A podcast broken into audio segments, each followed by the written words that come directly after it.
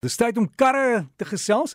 Nico Smit is ons kenner en Nico, jy het nou toe ons hier uh, gekoppel het op die selfoon het jy vir my gesê jy's op pad Wildtuin toe.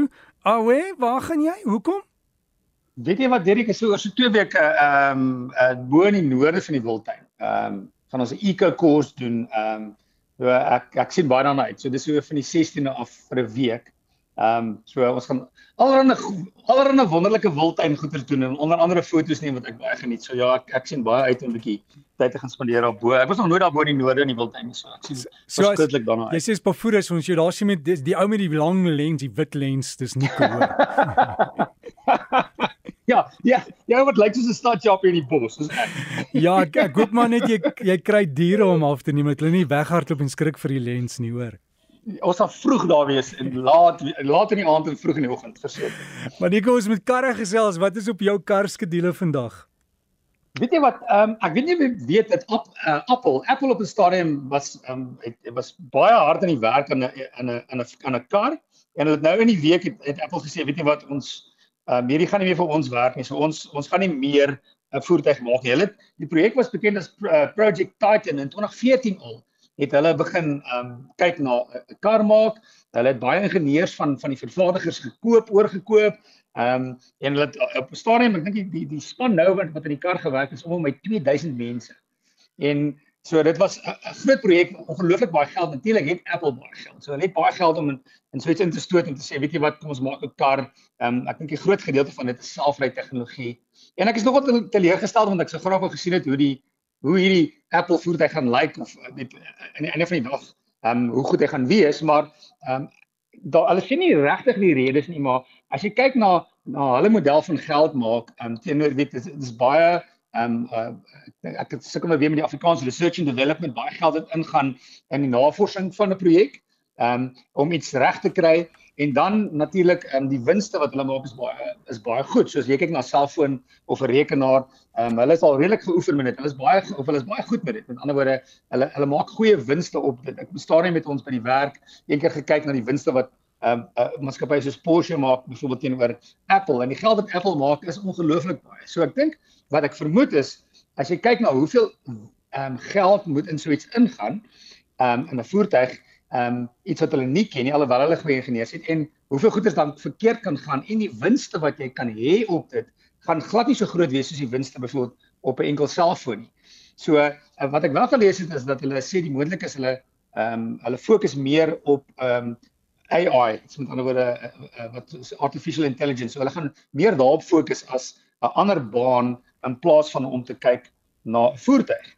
En dan as jy kyk nou ehm um, teen dieselfde um, of dieselfde um, spoor, dieselfde onderwerp het Sony met um, Honda saamgewerk. So Sony die, die maatskappy wat nou juist ons het nou gepraat oor kameras wat seker goeie kameras maak uh, onder andere en Honda het 'n nuwe um, uh, karvervaardiger of ehm um, um, of die Sony staan nou karre bekend as of gaan karre verkoop wat hulle noem 'n file. Met ander woorde, hulle het ehm um, gesê weet jy wat ons kan dit self doen nie. Maar Honda, julle is baie goed. Ons is albei Japaneese, so kom ons werk saam ehm um, aan hierdie nuwe karvervaardiger. So jy kan bietjie gaan soek op die internet ehm um, vir Afila AF E L A en dis hierdie saamsmelt of hierdie ehm um, hierdie samewerking tussen Sony en Honda. Ja, en Nico, en die fokus Nico, ekskuus dan, jy praat nou van al hierdie hierdie maatskappye wat eintlik hmm. ander goed doen. So uh as as dit nou met Sony is dan jy 'n kar wat ry tot by die dier en die kar neem sommer vir jou die foto. En en met die ander ja, ja. en met die ander van Apple, jy weet as jy nie jou lidmaatskap betaal nie, dan kan jy net 30 sekondes ry dan jy stop dan kanselleer hulle al jou al, die musiek in die kar.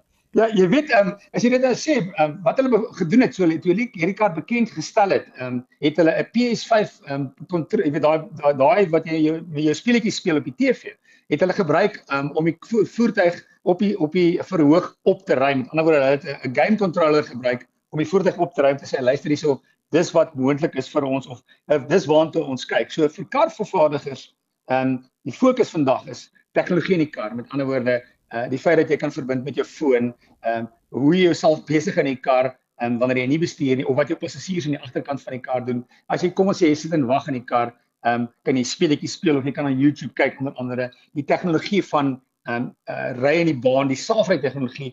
Al hierdie goeders is 'n baie groot fokus vir die vervaardiger. So dis een wat natuurlik Sony en Honda dit eh, met Sony is 'n ongelooflike tegnologiese maatskappy. So dit natuurlik weer eens net die voordeel vir iemand wat 'n kar wil koop as jy kyk na Afila. Dit is natuurlik 'n elektriese kar, so ehm um, ek hoop hoop uh, om hom uiteindelik in Suid-Afrika te sien. Ons sal maar sien hoe gaan dit. En dan weer eens op dieselfde uh, onderwerp het Mercedes-Benz nou gesê, weet jy wat? Aanvanklik in 2021 het Mercedes-Benz gesê ons wil, wil teen 2030 net elektriese karre verkoop in groot markte. Met ander woorde, kom ons sê in Europa en Duitsland. As jy in, in Duitsland by 'n handelaar instap, gaan jy net elektriese Mercedes-Benz voertuie kry. Hulle het nou gesê, weet jy wat, ons ons gaan bietjie hierdie hierdie fokus verander. Ehm um, en ons gaan nie meer uh, net elektriese karre teen 2030 uh, verkoop nie. Ons gaan ook nog steeds kyk na petrol en diesel voertuie. So wat ek sien en dis nie net by Mercedes nie, ek gebruik dit as 'n voorbeeld. Dit lyk vir my meer die, meer in die wêreld uh in baie lande is die mense se aanvaarding van elektriese karre baie stadiger as wat die vervaardigers gehoop het. Die vervaardigers ehm um, baie geld in in in ontwikkeling van elektriese karre, maar baie mense is nog steeds huiwerig in in baie lande en as gevolg van dit omdat die elektriese karre nie so goed verkoop nie, beteken dit hulle sê weet jy wat, wag 'n bietjie, ons gaan miskien moontlik bietjie langer petrol en diesel voertuie verkoop, veral in die groot mark. Natuurlik, mark soos in Afrika is heeltemal anders, lang afstande, dan maak mense nog meer onseker. Ons het kragprobleme. So in derde wêreldse lande gaan elektriese karre verseker nie eers naby so vinnig wees soos in Europa nie. So duidelik is daar 'n bietjie van 'n skuif en fokus dink ek om te sê ons gaan bietjie um, mense aanvaar dit nie so vinnig nie. So ons gaan nog dalk bietjie langer petrol en diesel voertuie verkoop as wat ons gedink het.